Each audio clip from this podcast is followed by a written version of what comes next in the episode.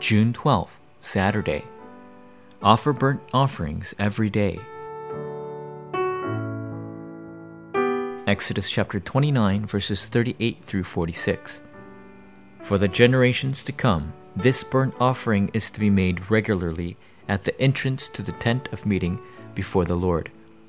There I will meet you and speak to you. There also I will meet with the Israelites, and the place will be consecrated by my glory.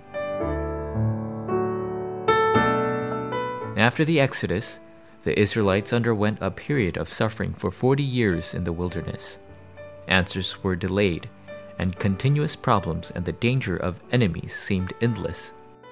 However, during this time, God gave all the important things, including the Ten Commandments, the Ark of the Covenant, the tabernacle, the three feasts, and even the twelve tribes. God allowed them to make all preparations for the covenant, culture, and life. There is something we must do daily before this covenant. Number one, we must open our eyes differently.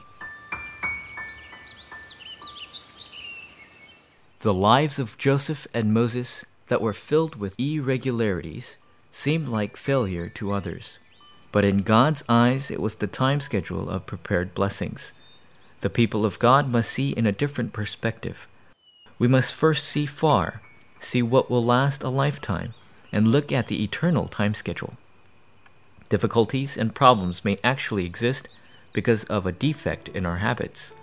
We must be able to think of the gospel and see the reality with the gospel rather than seeing the problems and conflicts of reality and falling into that.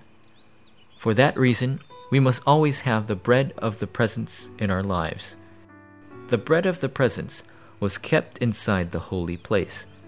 To have the bread of the presence in your life means that you possess the food for life, in other words, the Word, in you. Moreover, the light to solve the problem of darkness must always remain within you. Exodus chapter 27, verses 20 through 21. You can uncover the life of always shining the light of the Word and life through worship. Worship is the method by which you can gain God's strength that He provides every day. It is also the method to be filled with the gospel. If you possess this mystery in your daily life, you will obtain different eyes. Number two, we must restore it immediately. There are things the people of God who possess the eyes of the gospel must restore. We must hold on to the word and pray. In times of crisis, there are those who pray to God 24 hours a day. But there are also those who mindlessly worry about the same 24 hours. Paul, who prayed continuously in the Holy Spirit, held on to the covenant and restored the power of prayer in any and all situations.